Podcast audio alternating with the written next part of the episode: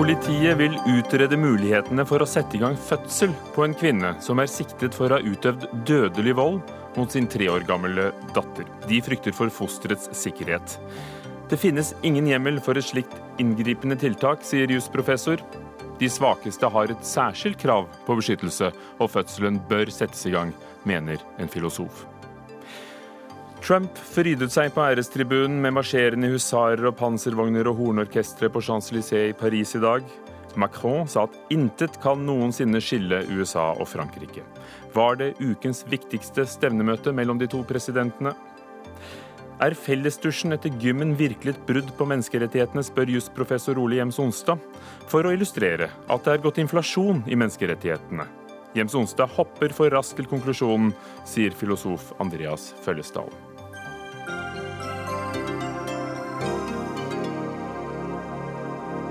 De to møtes til debatt i Dagsnytt 18 med Ugo Fermariello.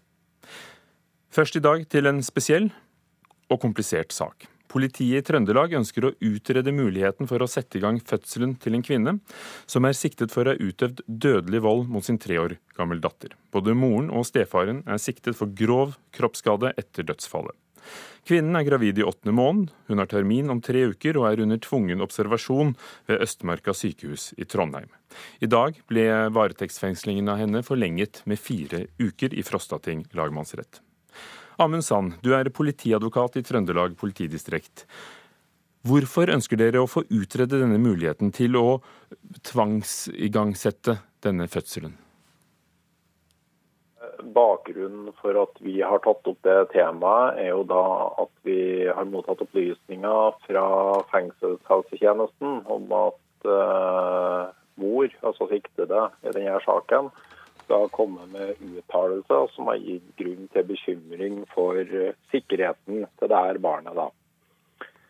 Og da er det jo sånn at uh, både mor og barns helse og sikkerhet er jo politiets ansvar når uh, mor i dette tilfellet da, sitter i varetekt. og Derfor så ønsker vi, ønsker vi å utrede hvorvidt uh, barnets sikkerhet er tilstrekkelig ivaretatt.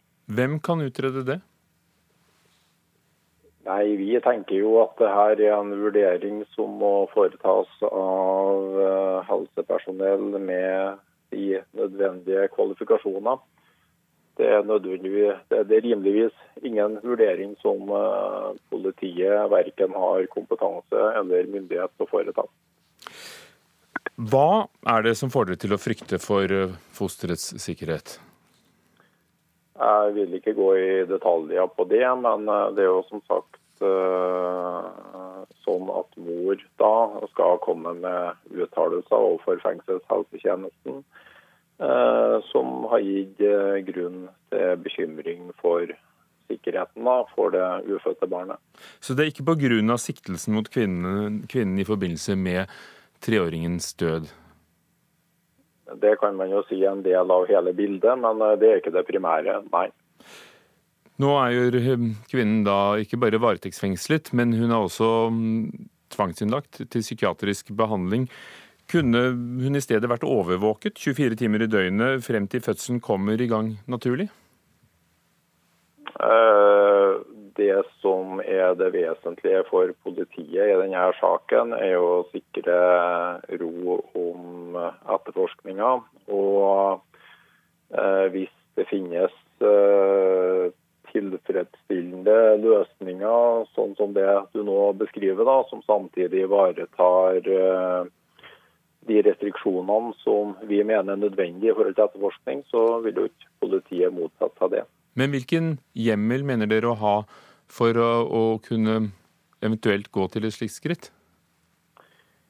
Nei, altså Politiet tar ikke stilling til hvorvidt det finnes noen hjemmel for noe sånt. Det her tenker jeg er et spørsmål som eh, det er helsemyndighetene som eh, må ta stilling til. Og, men for oss er det jo viktig å ha en avklaring på spørsmålet. Eh, politiet reiser på en måte egentlig bare spørsmålet om eh, hvis det da er sånn at det er en trussel mot det her ufødte barnet, Hva skal man da i så fall gjøre, og kan man da i ytterste konsekvens gå til det skritt og igangsette en fødsel. Takk skal du ha. Amund Sand, politiadvokat i Trøndelag politidistrikt. Leif Strøm, du er forsvarsadvokat for den siktede gravide kvinnen, og ingen av dere debatterer denne saken, så derfor intervjuer, vi dere én etter én. Hvordan reagerer din klient på at politiet vil undersøke muligheten på å igangsette fødselen før termin? Hun reagerer meget sterkt på det, og eh, det hører også med til eh, historien at når dette ble fremmet, så ble jo fra aktors side nevnt at man til sammenligning kunne gjøre dette mot uh, tunge rusmisbrukere. Og det reagerte jo da min klient særlig på. Som muslim så er jeg jo avholdende fra rusmidler. Hvilken uh, hjemmel tror du eventuelt uh, dette vil bli begrunnet i? Mener du at de har en juridisk rett, men at de ikke har det i dette tilfellet, eller at de ikke har en rett i det hele tatt til å gjøre det? Jeg mener at det finnes ingen hjemmel for å gjøre et slikt inngrep. At man kan ønske å gjøre det av ulike faglige hensyn, er jo én ting. Men eh, det skal jo også foreligge et uh, lovmessig grunnlag. Og så langt jeg kjenner loven, så det ikke, finnes ikke noe sånt grunnlag. Har din klient fremsatt trusler mot fosteret? Eller truet med at hun kan komme til å skade det? Nei, hun eh, har ikke det. Og en annen sak er at hvis hun hadde ønsket å skade fosteret, så hadde hun jo hatt god anledning til det. For eh, det er jo dessverre det som er situasjonen i vårt varetektssystem, at det er sjelden noen som blir overvåket hele tiden. Så muligheten til å skade har hun jo hatt, og har ikke gjort noe sånt. Men nå frykter altså politiet at det kan være en fare for det ufødte barns liv. Har ikke dette barnet også en rett til å bli ivaretatt? Så absolutt. Det er klart det. Eh, det ufødte liv skal man absolutt ha respekt for. Men eh, det går jo mer på antagelser fra politiets side enn konkrete holdepunkter.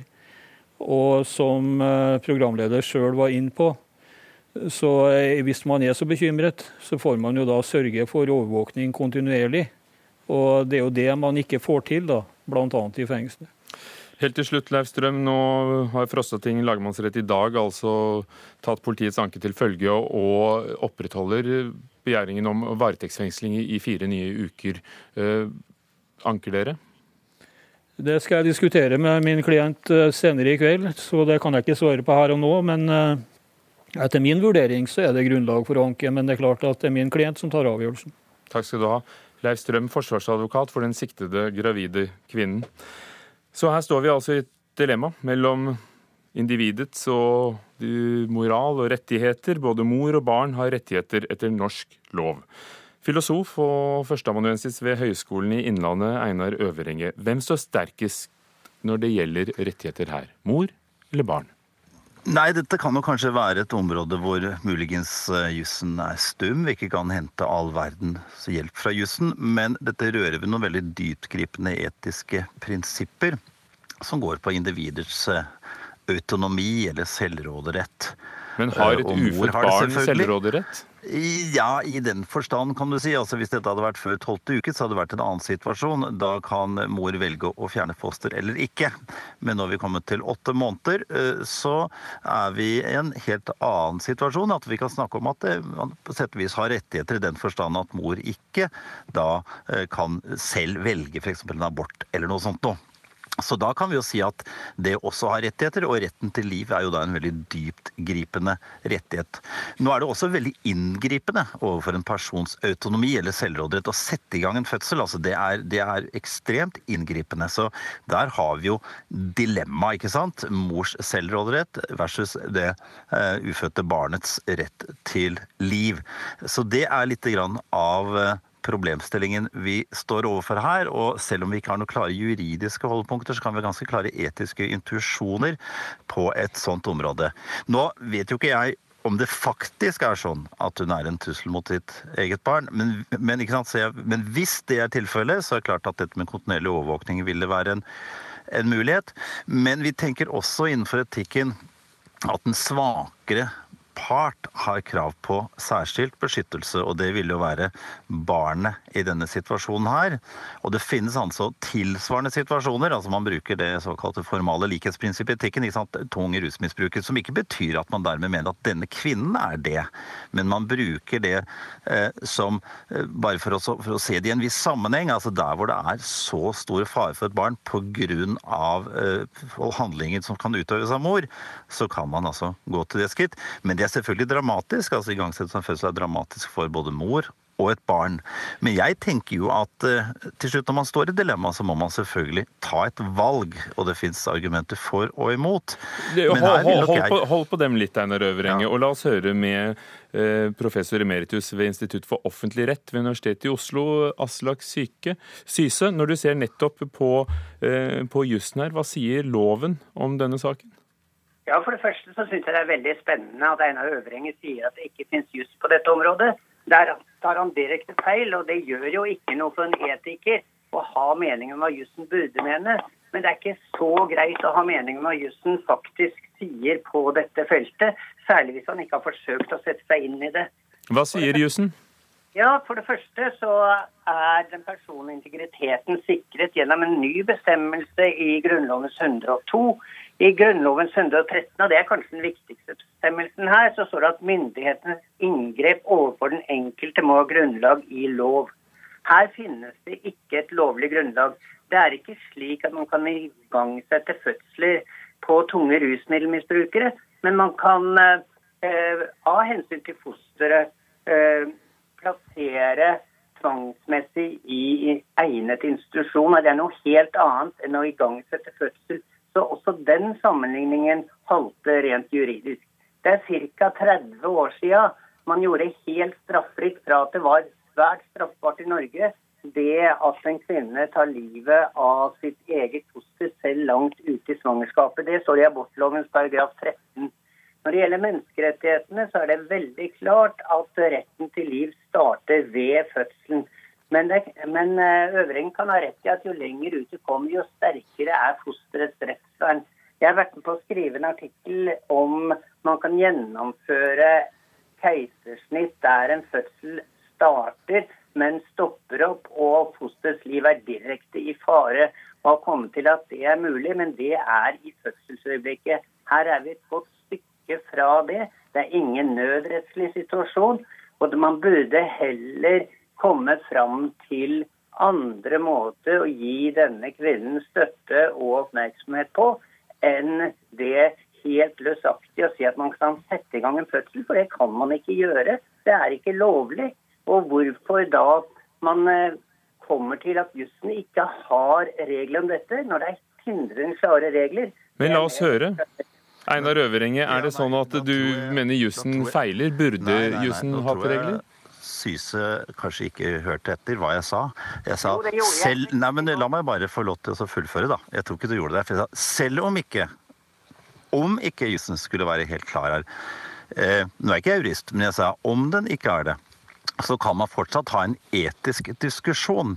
Og da er man over på å vurdere og grader av og liksom, setter ting litt opp mot hverandre. Og, og, og sier seg selv, altså, jo nærmere man kommer fødselen, jo mer problematisk blir dette her. Men Øverenge, betyr det at, du andre, andre løse det på? Jeg, jeg bare skjærer igjennom siden vi har litt forsinkelse på denne linjen. For å spørre deg, betyr det at uh, når jussen sier nei, som Syse hevder, så burde vi gjøre noe med jussen, eller burde vi finne oss i det moralsk sett?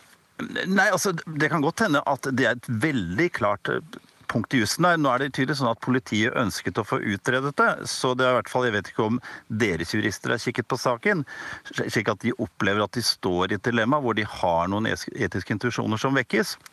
Hva bør gjøres? Uh, nei, Det er jo det som er vanskelig her. ikke sant? Det er det som er dilemmaet. Det jeg forsøkte å gi en analyse av, det er at selvfølgelig er det svært inngripende uh, å sette i gang en fødsel.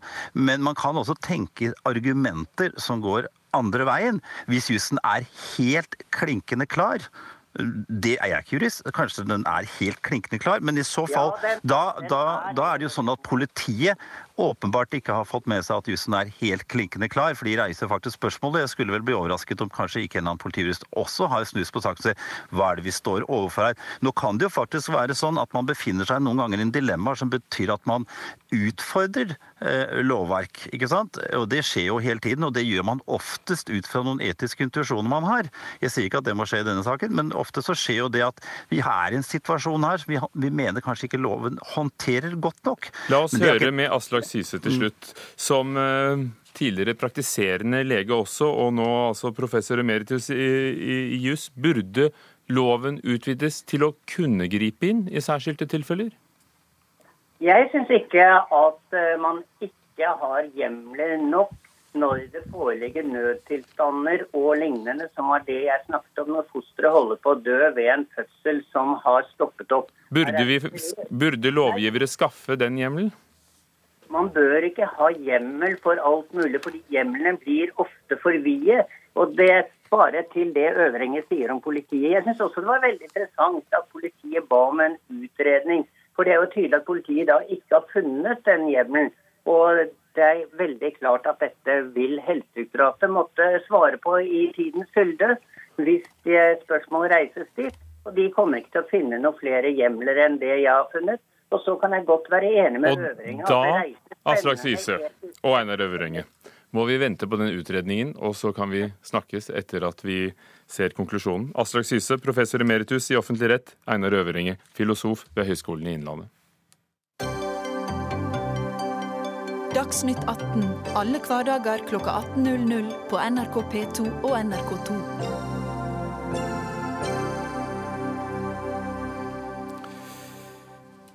VG hadde en uh, tittel med tekst og film forleden eh, på forrige uke, liggende på førstesiden en eh, god stund. 'Styrtet i døden på vei til sitt eget bryllup'. Selve reportasjen inneholder en video som viser en brasiliansk brud og hennes følge som styrter i døden på vei til sitt eget bryllup i et helikopter. Videoen viser ikke selve, uh, selve fallet, men uh, uh, alle de fire om bord omkommer, og VG beskriver selv episoden som hjerteskjærende. Petter Bae Brandtzæg, seniorforsker ved forskningsstiftelsen Sintef, som har forsket mye på barn og unges medievaner. Det er mer enn hjerteskjærende, kynisk og etisk svært problematisk. Ja, det er etisk problematisk fordi her kjører man opp en typisk clickbait-sak. Altså i den forstand at man ønsker å legge ut et agn til eh, brukerne der ute til å klikke seg inn og se på en eh, veldig tragisk eh, video som er en familietragedie, og så gjør man dette her til en sak som er relevant for eh, norske lesere, og det er den overhodet ikke. Den er kun egentlig etisk betenkelig. Så her er det kynisk eh, klikkjournalistikk av eh, verste sort, hvor man da lager underholdning på bekostning av andres familietragedier. Og det triste her er jo også at de pårørende i denne saken er heller ikke blitt kontaktet om at det er greit å publisere denne videoen på Norges største nettavis. Videoen er altså frigitt av brasiliansk politi. Eh, Selve ulykken fant sted i desember i fjor. Rolf Sønsteli, redaksjonssjef i VGTV. Hva var deres vurdering da dere valgte å, å både vise videoen og, og omtale saken? Og Den lå jo på forsiden i, i fem dager.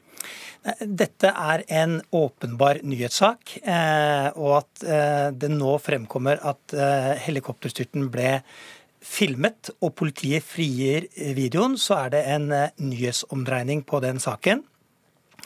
Eh, Så er det eh, et spørsmål hvordan kan vi omtale, publisere og redigere og bruke den videoen som dokumentasjon. Og Hvordan gjorde dere det? Det gjorde vi ved at vi, eh, punkt én, eh, ikke la videoen på VGs førsteside. Den eh, lå kun inne i en artikkel, som igjen lå på VGs førsteside. Det var for at videoen skulle stå i en eh, kontekst der saken blir forklart. Og det er nettopp for at ikke, eh, dette skal kunne oppfattes som spekulativt. Og, og, og VG Petter Brandtzæg har redigert i videoen, hvis du ser på en eh, annen stor avis, The Daily Mail i Storbritannia, så har de vist ja. halvannet minutt mer og mye mer hjerteskjærende altså, bilder. Vi kan ikke sammenligne oss med Daily Mail, tross alt. Altså VG har et mye større etisk ansvar. Altså Daily Mail er en uh, veldig tabloid, tabloid avis. Og det er også påvist at de også serverer falske nyheter i stort monn. Så det, man skal ikke drive og sammenligne med Daily Mail her. Og jeg syns at eh, VG, hvis Men, man sammenligner med VG og kilden de oppnevner, nemlig den brasilianske avisen eh, Hva var det? Globo. Så har jo de laget en mye mer redigert versjon i den forstand at de kommenterer, de viser kart. De har en reporter med voice over hele veien. Altså, de forklarer underveis. Og her lurer man altså norske brukere inn med 'bruden styrter i døden' rett før sitt eget bryllup. Altså, det er jo helt åpenbart hva de er ute etter. De er ute etter en annonsekroner. Og jeg lurer på, VG, hvor mye annonsekroner har dere tjent på denne tragedien?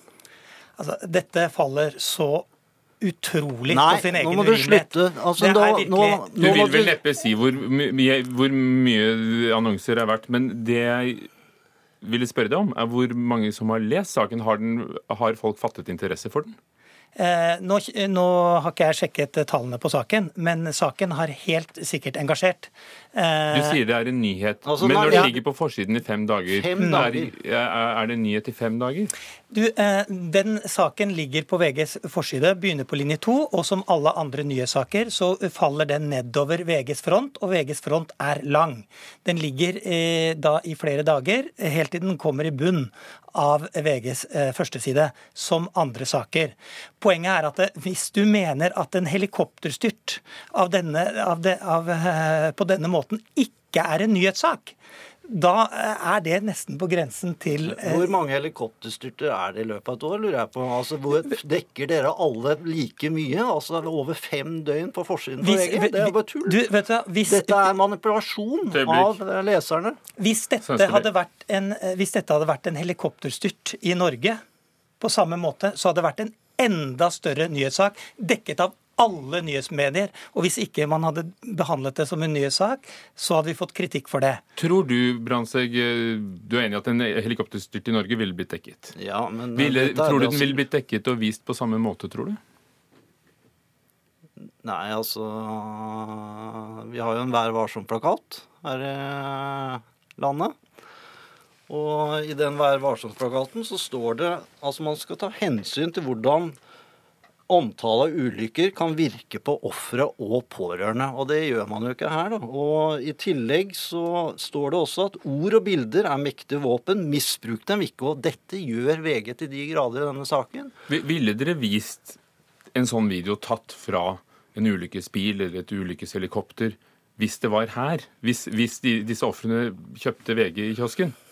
Du, hvis, eh, hvis, dette hadde skjedd i Norge, Eh, og politiet i Norge hadde frigitt denne videoen, og det skjedde etter samtykke med de pårørende i saken, og hvor begrunnelsen var at det var sentralt eh, for etterforskningen av saken, så ville, vi, så ville vi gjort det. Så er spørsmålet om hvordan hadde vi redigert, behandlet og vinklet saken i Norge. Antagelig eh, temmelig likt sånn vi gjorde nå. Bortsett... Er det ikke sånn Bransik, at nyheter er også hendelser, og jo det er mange helikopterstyrter, men, men noen er mer sjeldne på tragisk vis enn andre, og, og slikt er nyheter. Ja, men jeg synes Det er rart at VG ikke innrømmer at dette er en sensasjonsnyhet. Altså, Dette er en ting som skjer i Brasil. Det har ikke noe relevans for den norske offentligheten i det hele tatt. Det er kun dette, er jo, dette er jo byråstoff som alle kunne ha plukket opp og, og, laget saker av. Men det ser jo ut til ved første øyekast at dere er ganske alene i Norge blant de store nettavisene å, å vise det. Stemmer det? Eh, eh, det er flere norske medier som har skrevet om denne saken. Men viser videoen? Eh, det er det kanskje ikke, men det gjør ikke noen forskjell for oss. Dette er en, dette er en nyhetssak på linje med andre nyhetssaker. Men vurderer dere den annerledes enn andre store redaksjoner, tror du? Jeg kan ikke svare for andre redaksjoner. Men jeg så den høyt oppe på VGs forside over fem døgn, og jeg fatter ikke at denne saken er så viktig.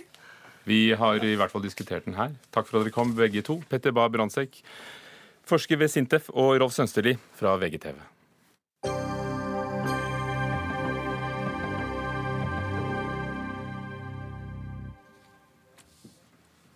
Dagens mest omtalte møte er det mellom Frankrikes og USAs presidenter. Donald Trump var invitert til å feire Bastille-dagen 14.07, Frankrikes nasjonaldag, i Paris av selveste den franske presidenten Emmanuel Macron. Macron hadde fått kritikk på hjemmebane før møtet, og han forstår den ikke. Min filosofi, sa Macron i forkant, er at eh, det er nettopp når vi er uenige at vi må diskutere. I dag var det parade på Champs-Élysées. I går vennemiddag, som Macron kalte det, i Eiffeltårnet. Tove Gravdal, journalist eh, i Morgenbladet med utenriks som ditt felt. Kunne det vært mer symboltungt? Nei, altså Macron har jo spilt på alle de knapper han bare kan for å imponere Trump og for å tilfredsstille Trumps behov for eh, både militærparader og pomp og prakt. De møttes ved Napoleons grav i går og, eh, og spiste middag i eh, Eiffeltårnet. Og i dag var det en veldig imponerende militærparade hvor også amerikanske militære deltok for å markere at det er 100 år siden at USA gikk inn i første verdenskrig og var med på å avgjøre eh, den krigen som ble slutt i 1918. Du har jo sittet klistret i skjermen nå i to døgn for å få med deg dette her. Hva gjør det så enestående? Altså, det er jo enestående på den måten at det kom som en overraskelse for mange at Macron faktisk inviterte Trump. Invitasjonen kom for bare et par uker siden. Og da hadde jo Macron og, og Trump eh, allerede vært i sånne symbolske konfrontasjoner i løpet av den korte tiden Macron hadde vært president. De møttes eh, på Sicilia på G7-møtet, hvor eh, Macron eh, tok Trump veldig hardt hardt i hånda og holdt han lenge for å møte han med samme mynt. Og han sa selv etterpå at dette var et symbol tungt uh, håndtrykk. Uh, så trakk Trump seg ut av Parisavtalen, klimaavtalen, og, og Macron svarte på engelsk at uh, han inviterte amerikanske klimaforskere til å komme til, til, Frankrike og forske der i stedet. Og så sa han 'make our planet great again', og spilte på Trumps eget valgkampopprop. Og, og, dette førte jo til en viss sånn spenning i, det, i det, den viktige alliansen mellom Frankrike og USA. Og så plutselig så inviterer han altså Trump til å, å delta på den, den, viktigste dagen i Frankrike. Og det fikk han jo en viss kritikk for på hjemmebane også. Men flertallet av franskmenn de har støttet ham og mener at det var riktig å gjøre dette, fordi Trump representerer altså det landet som er Frankrikes viktigste allierte. Og han sparte jo ikke på superlativene og de store ordene. Intet kan skille USA og Frankrike, eh, sa Macron i, i dag tidlig. Eh, og han sa også at man må snakke sammen, spesielt når det er vanskelig. Og så jommen meg ble ikke Parisavtalen også tema. Je vous confirme que ma philosophie, c'est même lorsqu'on a des désaccords, de continuer à discuter. Je dirais même surtout quand on a des désaccords. Yeah, I mean, something could happen with respect to the Paris Accord. We'll see what happens. And If it happens, that'll be wonderful. And if it doesn't, that'll be okay too. Ja, Philip Lote, europakorrespondent. Du er på plass i NIS for å se på 14. juli-feiringen der, hvor det er ettårsmarkering for terroren i fjor. Dette statsbesøket, hvordan kommenteres det i Frankrike? Det legges jo vekt på at klima var tema, og at eh, Emmanuel Macron var nøye på å understreke Eh, ganske nøye de tingene som eh, Trump og Macron ikke er enige om. Og denne litt uvissheten hva Trump egentlig mente når han sa at eh, vi får se hva som skjer med Parisavtalen. Eh, Trump har jo ment at eh, Parisavtalen, Parisavtalen som den ble underskrevet, eh, ikke yter USA rettferdighet, og at de kan gå inn i en reforhandlet utgave av avtalen. Og så vet vi ikke så mye om hva de kom fram til, kanskje ikke så mye når det gjaldt klima, men de snakket i hvert fall om det. Men ellers er det jo blitt lagt stor vekt på eh, terror, sikkerhet og ganske lange politiske samtaler, særlig i går eh, i løpet av Trumps eh, besøk her. Og franske statsvitere sier at eh, på en måte er det Macron gjør, å fortsette en fransk tradisjon hvor man understreker at USA er en alliert. Det er et vennskapelig forhold mellom de to landene, men de er på ingen måte samkjørte i ett og alt. Og at på en rekke områder så har Frankrike en helt annen politikk enn det USA kommer til å ha. Tove Gravdal, eh, tidligere på dagen i går møtte Macron Merkel, og de snakket om eh, samarbeid om nye jagerfly mellom Frankrike og Tyskland, og så var det mm, Trump. Og nå er også Macron i NIS. Han spiller på mange fronter. Ja, Han har jo markert seg voldsomt på den internasjonale arenaen bare i løpet av de to månedene han har vært president. Han eh, inviterte jo også Putin til også en symboltung eh, seremoni eller et, et, møte i Versailles eh, etter bare et par uker i presidentstolen. Og han tar nå en rolle som en slags sånn megler, en som snakker med alle, og som, som på formiddagen møter Merkel, som jo har vært ganske tøff med Trump. og, og og som kanskje fått, kan skape problemer i forholdet mellom Tyskland og, og USA. Og så møter Macron Trump om ettermiddagen. og det viktige i dette er jo at Macron er jo Det er mye symbol, symbol i dette, men det er også veldig mye realpolitikk. Først og fremst realpolitikk. Og det det handler om først og fremst, det er kampen mot terrorisme. Fordi Macron spilte jo et høyt spill ved å legge seg ut ved Trump tidlig i sin presidentperiode. Og han kunne jo risikere at Trump, som jo er uforutsigbar, det har vi jo sett, kunne si at OK, da, da gidder ikke vi å samarbeide med Frankrike. Og Frankrike er helt avhengig av verdens største militærmakt for å få bukt med den største sikkerhetstrusselen mot Frankrike, som er terrorisme som utvikler seg både i Midtøsten, i Nord-Afrika og på fransk jord. Frankrike har 4500 soldater i Nord-Afrika og skal bekjempe terror der, men de trenger støtte fra amerikanerne for virkelig på lang sikt å få bukt med den jihadistiske terroren som truer Frankrike. Philip Lote, det er altså ettårsdagen eh, siden terroren i NIS. Da var det en lastebil som kjørte på strandpromenaden. Over 400 ble såret, 86 døde. Eh, vi hørte så vidt minnemarkeringen er i gang. Hvordan er dagen i NIS? Akkurat nå så har de nettopp lest opp navnene eh, til sang og musikk eh, på de 86 som ble drept i terrorangrepet her i fjor. Og så ble det avsluttet med eh, en av de mange gangene i løpet av dette døgnet hvor vi vil få ett minutts eh, stillhet. Eh, det er en skjerpet sikkerhet selvfølgelig eh, i NIS når Macron kommer, og det er minnemarkering her. Eh, og folk vi har snakket med sier at det har vært et spesielt år hvor livet på promenaden, altså Promenade des Anglais, ikke har vært som det har vært tidligere. At de håper nå at de nå kan vise de som ble drept, en siste ære og vise respekt overfor pårørende og de som ble skadd, slik at man på en måte kan gå videre, selv om man sier at dette ikke er noe som noen som opplevde noen gang kommer til å glemme. For det var en helt spesiell type terroraksjon. Enkel, like enkel som den var brutal.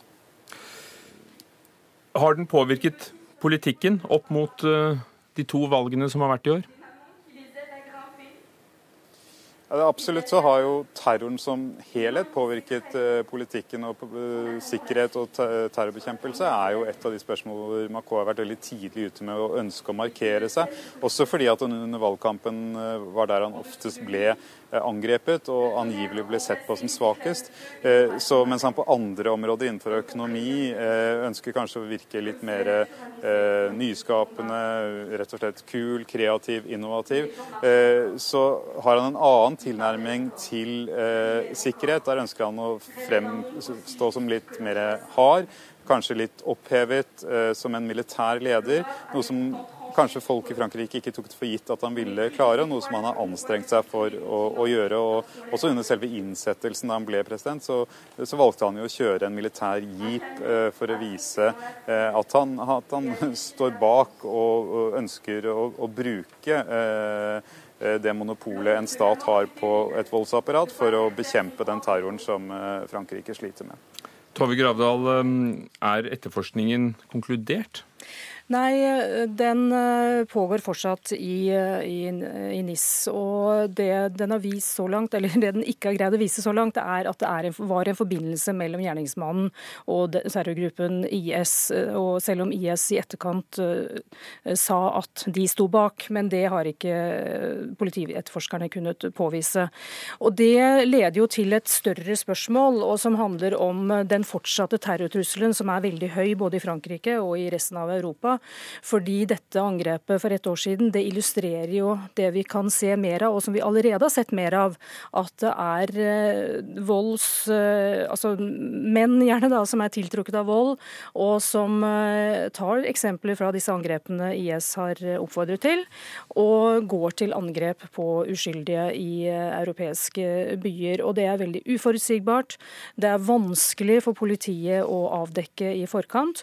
Og dette vet fransk politi at dette kan de regne med at det kommer mer av. Selv om IS nå taper terreng i Irak og, Tyrk i Irak og Syria, så er truslene om mer terror er, er fortsatt der. Takk skal dere ha, begge to. Tove Gravdal, utenriksjournalist i Morgenbladet, og Philip Lote, vår korrespondent i NIS.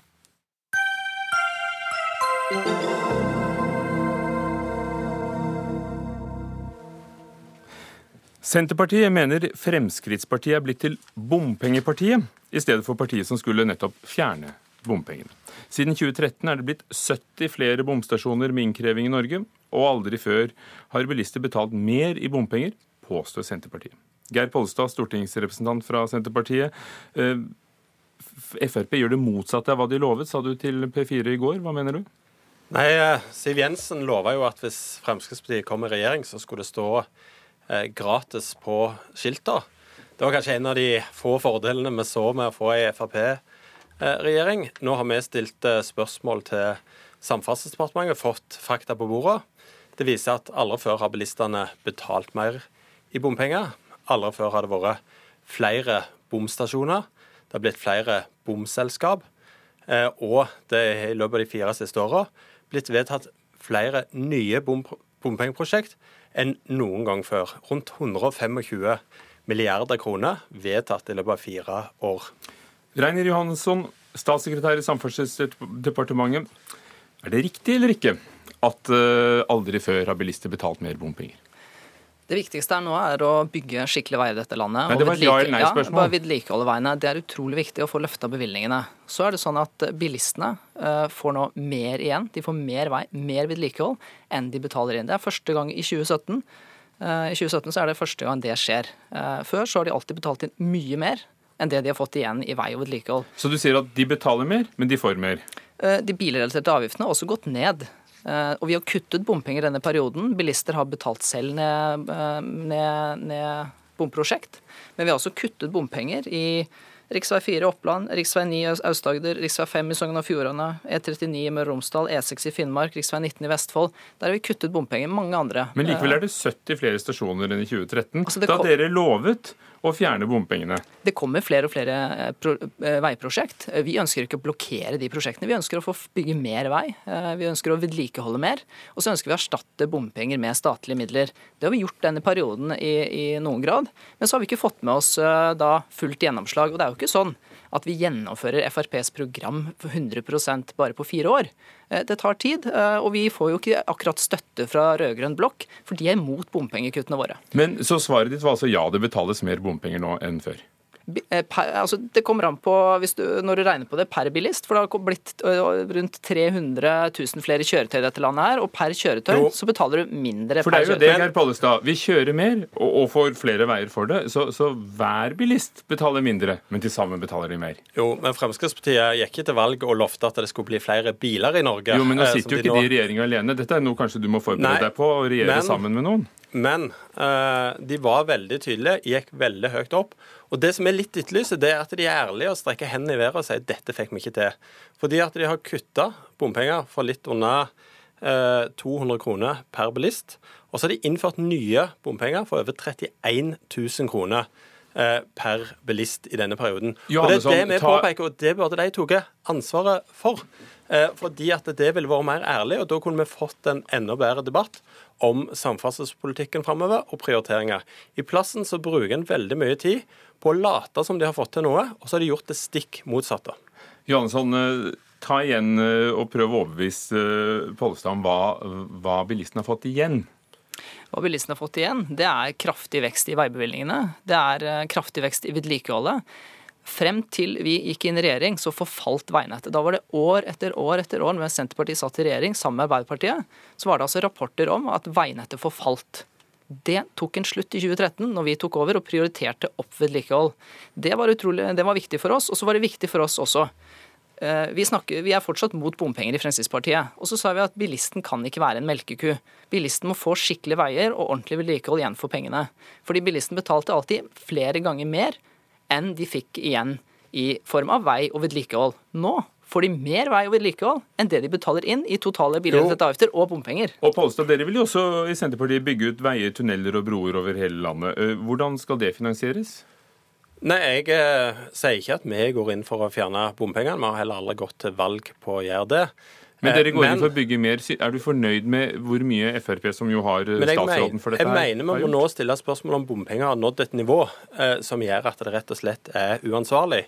Eh, så er det greit, eh, greit at en eh, sier en bruker mer statlige penger. På vei så bruker en altså 2-3 har en i løpet av de fire siste åra brukt mer enn det Nasjonal transportplan la opp til. Så han har overfylt Nasjonal transportplan på samme måte som forrige regjering overfylte sin eh, nasjonale transportplan. Men jeg savner litt en ærligere kommunikasjon fra Fremskrittspartiet på at en bruker eh, bompenger svært aktivt, og at en bruker mer bompenger enn noen gang. Og det vil jeg eh, utfordre eh, statssekretæren på, og på en måte bekrefte at de tallene som vi har fått fra hans statsråd, er rette, og viser at aldri før har bilister i Norge betalt mer i bompenger enn nå. Det sa du vel ja til, men i Nasjonal transportplan, som dere eh, la frem tidligere i år, så, så, er de også lagt opp til å kreve inn nesten 11 milliarder kroner hvert år i bompenger de neste tolv årene. Det, det, Der kunne dere jo langsiktig gått litt ned, hvis dere føler går, som for det. Det går litt ned i ny Nasjonal transportplan, og det bompengenivået i ny Nasjonal transportplan er det samme cirka som var i forrige eh, Nasjonal transportplan. Det ligger helt flat. Så den nye rekordhistorie på 1000 milliarder, den NTP-en, all den veksten som kom der, er statlige midler. Men du snakker om disse tallene, Pollestad. Det velgerne er opptatt av, det er å skape nå støtte rundt og få ned bompengene og opp de statlige bevilgningene. Det jobber ikke du med du og Senterpartiet dere ønsker å få Arbeiderpartiet inn i regjering. Jonas Gahr Støre som statsminister. Han går til valg på 15 milliarder i økte skatter og avgifter. Han er mot uh, Vi har lagt fram en mer offensiv nasjonal transportplan ja, enn det dere støtte de politi politiske partiene som og, vi, og vi støtter hvis eh, Fremskrittspartiet kommer med en høyere statlig andel i prosjekter som de legger fram for uh, Stortinget. Enda høyere enn de har hatt? Ja, Hvis de på en måte bevilger en halv milliard mer i et prosjekt fra staten og tar ned bompengene, så kommer de til å få Senterpartiets støtte på det. Eh, fordi at vi eh, legger til grunn det som statsråden foreslår eh, av fordeling mellom bompenger og statlige midler. Men du sitter i en rød-grønn blokk. Denne er en prioritering som samferdselsministeren må ta. Og når Fremskrittspartiet har både finansministeren og samferdselsministeren, så må de slutte å skylde på alle andre. De må ta ansvar for den politikken som de fører. Og jeg tror de tror dere at dere blir enige i dag? Vi blir jo ikke enige. fordi Nei, så da, da tror jeg dessverre vi må stoppe. Fordi tiden er ute. Vi blir kanskje enige neste gang, da. Takk skal dere ha. Geir Pollestad fra Senterpartiet, Reine Johannesson, statssekretær i nettopp Samferdselsdepartementet fra Frp. Hør Dagsnytt 18 når du vil. Radio NRK Radio.nrk.no.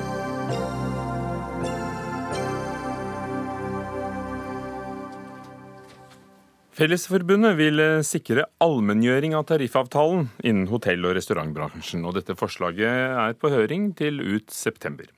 Allmenngjøring betyr altså at eh, man tar hele eller deler av en tariffavtale og legger det inn i reglene i en forskrift, slik at dette gjelder hele bransjen. Eh, også de bedriftene som ikke har tariffavtale. Og Når tariffavtaler allmenngjøres, vil Arbeidstilsynet føre tilsyn med disse bedriftene. Dette har jo allerede skjedd i bransjer som renhold, byggebransje, fiskeindustrien, eh, elektrikere og godstransport. Claes Delp, forbundssekretær i Fellesforbundet. Hvorfor vil dere nå at dette skal gjelde også hotell- og restaurantnæringen? Det handler jo om at eh, i næringa så har jo eh, andelen utenlandsk arbeidskraft økt ganske betraktelig de siste årene. Det er jo opp fra 28 til 44% i løpet av en tiårsperiode. Størstedelen av økninga eh, kommer jo da fra EU-land i Øst-Europa. Eh, og Det som vi ser når vi ser på, på lønnsstatistikken, er jo at en veldig stor andel av de utenlandske arbeidstakerne lønnes da langt under tariffavtalens minstelønnssatser. Det gjelder spesielt de arbeidstakerne som har et såkalt midlertidig personnummer. De som er nylig kommet til Norge eller skal være under et halvt år. De er systematisk langt mer underbetalt enn hva det de andre gruppene er. Er de underbetalt, de får dårligere lønn. Er du redd for at deres medlemmer blir utkonkurrert? Ja, altså, jeg er først og fremst redd for de folkene det her gjelder. Altså, det er jo folk som da får ei uanstendig lønn. De skal jo bo i Norge og de skal handle på de samme butikkene som du og jeg gjør mens de er her, men til langt dårligere lønn enn hva det er som da norske arbeidstakere får. Men de har nå godtatt det, kanskje den er riktig for dem? Det kan vel handle mye om uvitenhet. Eh, når du kommer hit til landet som helt eh, fersk arbeidstaker i et land du kanskje vet lite om, så kan det hende at du godtar mye mer enn hva det du gjort, vil gjøre hvis du har vært der en liten stund og har satt deg litt mer inn i hva som er gjeldende bestemmelse. Inger Lise Blyverke, direktør for forhandlinger og arbeidslivspolitikk i arbeidsgiverorganisasjonen Virke. Hvorfor ønsker ikke dere allmenngjøring av tariffavtalen, som ville vært et tiltak mot sosial dumping, for det er det vi hører beskrevet? Ja, Nå er jo den saken på høring, og vi har ikke levert vårt høringssvar. Det vi har tatt til orde for, er en skikkelig diskusjon om konsekvensene av det å allmenngjøre tariffavtale. Og hva blir det? Det vil, eh, For det første så har vi aldri sett en slik allmenngjøring i en så stor næring. Det vil eh, ramme 9000 virksomheter og nesten 100 000 arbeidstakere. Eh, I tillegg så er det sånn at hele næringslivet i praksis handler med denne næringen. Og de vil altså bli underlagt en undersøkelsesplikt. Det betyr altså at du som eh, arbeidsgiver i en helt annen del av norsk arbeidsliv får ansvaret for å sjekke om eh, f.eks. Eh, hotellet du bruker eller restauranten de ansatte hos deg går på, faktisk har lønns- og arbeidsvilkår i tråd med den allmenngjorte tariffavtalen. Dette fungerer jo tydeligvis uproblematisk når det gjelder byggebransjen. Mange hyrer jo inn byggefirmaer hele tiden. Ja, ikke hele tiden. Dette, vi vil se her eksempler hvor f.eks. et reisebyrå og, og, turoperatør må sikre at uh, kaffestoppen midt på fjellet uh, blir, uh, blir, gjort på et sted som har, har, tariffavtalen i orden, eller den allmenngjorte tariffavtalen i orden, eller at du som arbeidsgiver er nødt til å, å sjekke hvor sommeravslutningen skal være. Det er noe helt annet enn når du til, går til store innkjøp av bygg og anlegg. Det sier seg selv. Dette er jo den såkalt påse-plikten. Altså plikten til å påse at dem du kjøper noe av, som bedrift og ikke privatperson, eh, har eh, sysakene i orden. Eh, det vil jo gjøre det ganske vanskelig, fordi det er jo en næring som involverer alt fra smørbrød til kantinen til store arrangementer? Altså, Jeg har jo litt på følelsen av at Virke prøver å flytte oppmerksomheten over på påseplikten istedenfor allmenngjøring som et eh, viktig tiltak mot sosial dumping i næringa. Altså, påseplikten det handler jo om at når du kjøper en tjeneste, så er du med på å ansvarliggjøre den du kjøper tjenesten av. Altså, det er jo en forbrukermakt i form av at det er bedriftene som er kunder og utøver forbrukermakta si. Burde ikke den plikten ligget hos arbeids Arbeidstilsynet f.eks.? Jo, men altså, Plikten til å føre tilsyn med det her ligger hos Arbeidstilsynet. Og jeg tenker på altså, En bedrift som skal kjøpe et kursopphold, en konferanse, et julebord, en årsfest, de inngår jo en avtale med den bedriften de kjøpte hos. Og i forbindelse med at du inngår den avtalen, det er jo da påseplikten slår inn, hvor du kan få, be om å få bekrefta at uh, den bedriften overholder denne forskriften om allmenngjøring. Så jeg mener at hva, hva tror du Nei, altså, den mener, reelle frykten er her, da? Nei, men så jeg mener jo at det er en overdrivelse. fordi at i forbindelse med en avtaleinngåelse så handler det om at det er setning eller tre du skal inn i avtalen med bedriften som skal bekrefte at de overholder den allmenngjøringsforskriften som er der. Men den typisk, den typisk norske virksomheten i Norge må vi huske på har under 15 ansatte. Det er altså ganske mange små virksomheter som også vil være underlagt en slik undersøkelse eller påseplikt. Men det, det, er jo din eh, bekymring for de andre næringene som handler med dere. Hvis vi snakker om, om dere, altså hotell- og, og restaurantbransjen og uh, Virke representerer bredden av norske tjenestevirksomheter. så vi representerer både hotell- og serveringsvirksomheter, men også resten av næringslivet som handler med, med denne delen av næringslivet. Dine medlemmer er jo seriøse aktører. Ville det ikke vært en fordel for dem at det ble like konkurransevilkår, og at alle måtte betale anstendige lønninger, en slags minstelønn? Jo, nettopp, og det har vi også vært veldig opptatt av. Vi har vært med på å finne ut hvor i denne store næringen, det er ikke én bransje, det er mange, mange bransjer i hotell- og serveringsnæringen, hvor problemene er størst. Det viser seg at det er i deler av restaurantbransjen, nærmere bestemt uteliv, og kanskje særlig de store byene. Der er det påvist useriøse forhold. Det er også veldig mange bedrifter bedrifter som etableres og går konkurs og starter opp igjen et annet sted. Der har vi tatt til orde for et treparts samarbeidsprosjekt, hvor vi til slutt fikk myndighetene med på at her er det behov for å se nærme hvor partene setter seg sammen og finner tiltak. Vi har gjennomført flere tiltak, bl.a. i samarbeid med Fellesforbundet, rettet inn mot denne delen av bransjen. Vi tror at det er viktig å sørge for at alle får et anstendig lønnsnivå. Det vi har sagt, er at når vi innfører allmenngjøring av tariffavtaler, altså setter egentlig det vanlige tariffinstituttet til side og sier at det skal gjelde alle uavhengig om det egentlig er grunnlag for en tariffavtale, så må vi også vurdere nøye hvilke konsekvenser det får. Men ville det ikke... Både for bransjen, men også for alle andre. Til, til deg, Knas Delp, er det ikke sånn at dere ville mistet et viktig insentiv for folk å, å bli medlemmer hos dere? Fordi det, dette er jo nettopp det dere kjemper for for deres eh, medlemmer. Og så skal plutselig alle andre også i bransjen få glede av de fordelene dere har eh, opparbeidet? Ja, vi er jo ganske greie sånn sett. da. Vårt primære verktøy er det at vi ønsker å, å organisere folk og opprette tariffavtaler. Det klarer ikke vi i stor nok grad i denne bransjen sånn som den er i dag. Vi er opptatt av å trygge de arbeidstakerne som da opplever å få dårlige vilkår, men vi er jo også på lik linje med Virke opptatt av det at det skal være en seriøs konkurranse på like vilkår. Og Det mener jeg jo det at allmenngjøringa vil bidra til. For i dag så er det jo da store forskjeller, som Inger Lise beskriver det at du har deler av serveringsnæringa som driver på mye dårligere vilkår enn hverandre. Men må det da gjelde hele den enorme næringen? Ja, så Vi ser jo det at innslaget av utenlandsk arbeidskraft det finner vi overalt. Og også da de såkalte de er med midlertidig personnummer, også underbetalt mer enn de andre Høringsfristen her går jo ut 29.9, så vi får sette stevnemøtet etter dette. Ja, men Det finnes en masse tiltak vi kan sette i verk som ikke er allmenngjøring. Vi kan gi karantene for de bedriftsetablererne som går inn som konkursryttere. Vi kan sette Arbeidstilsynet til å eh, sjekke utelivet spesielt. Vi kan fjerne kontantbetaling f.eks. Jeg har et tiltak her. Takk til dere. Vi må avslutte for nå. Inger Lise Blyverke, direktør i eh, Virke for forhandlinger og arbeidslivspolitikk, og Claes Delp, forbundssekretær i Fellesforbundet.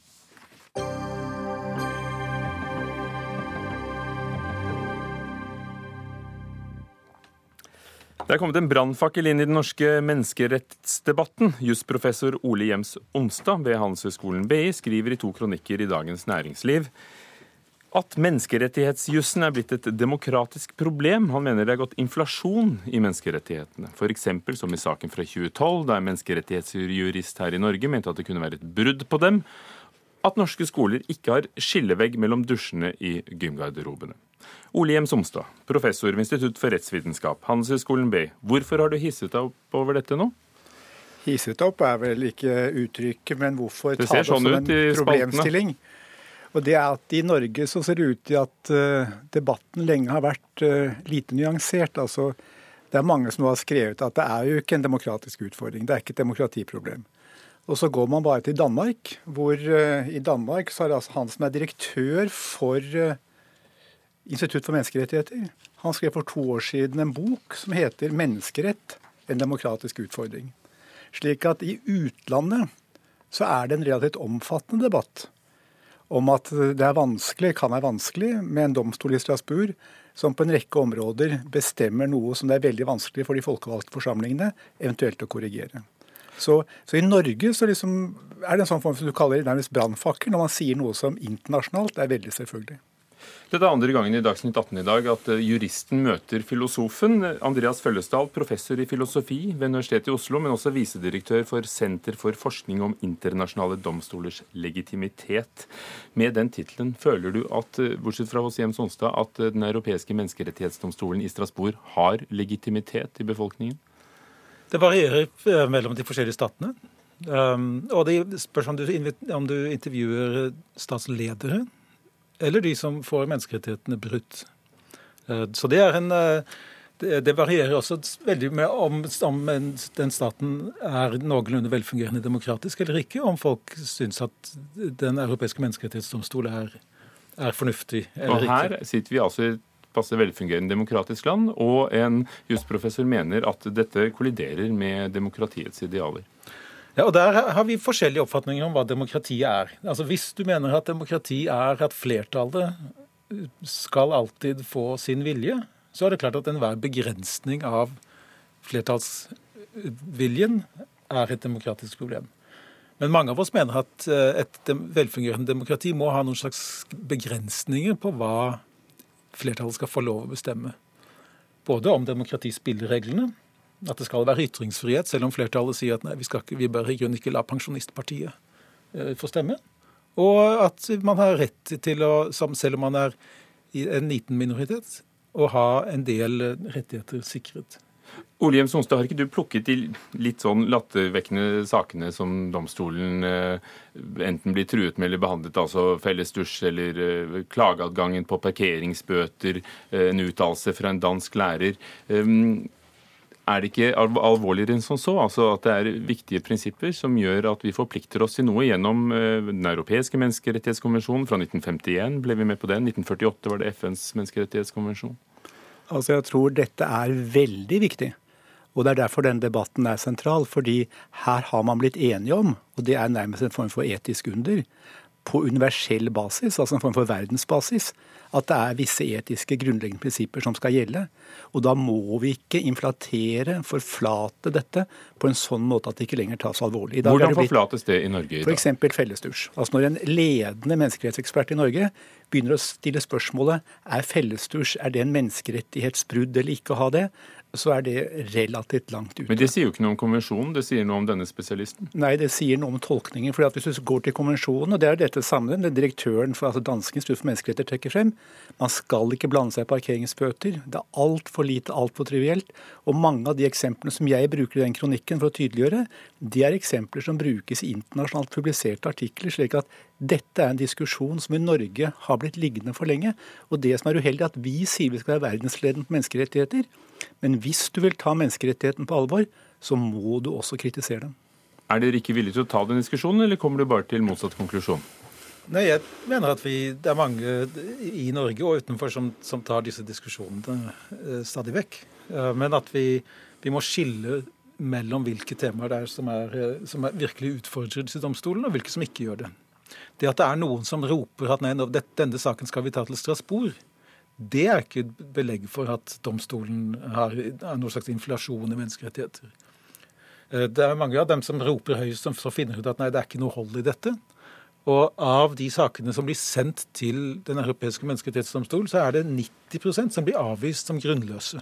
Så vi er nødt til å skille litt mellom hvilke saker er det faktisk domstolen går inn i. Er eh, domstolen ikke edruelig nok, selv om de avviser ni av ti saker? Altså, De har en restanse på 80 000. De får utrolig mange saker som er helt poengløse. og Det er det jo selvfølgelig at de skal avvise. Det du må se på, det er de sakene domstolen er villig til å ta opp. og Der er det for mye trivielt og det er for mye inflatert. og Man må ha perspektivet klart. I dag har du Tyrkia. Vi må regne med at det er titusener som utsettes for menneskerettsbrudd i Tyrkia. Men det tar jo ikke landet opp. Man tør jo ikke provosere Tyrkia nå med, inn med denne immigrantsituasjonen. Og, de og, og, i Norge blir altså Anders Behring Breivik terrordømt. Sine soningsforhold uh, brakt for Menneskerettighetsdomstolen i Strasbourg. Er det en, en riktig vei å gå, mener du, eller en feil vei å gå?